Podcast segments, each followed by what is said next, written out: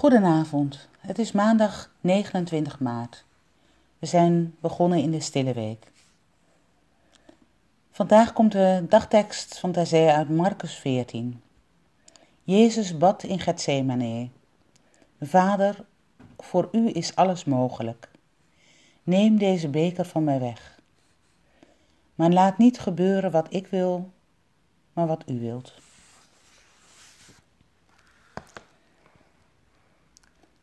We bidden dat wij ons laten leiden door hetzelfde vertrouwen waarmee uw zoon zijn weg is gegaan.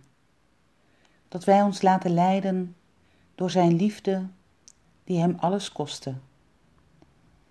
Dat wij in hem de mens zien, geschapen naar uw hart, naar uw beeld. Hij die uw naam heiligde, in leven en sterven.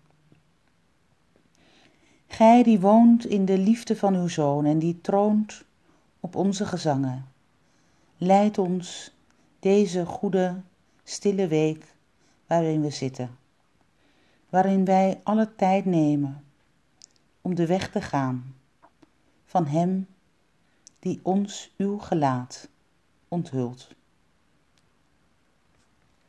Amen.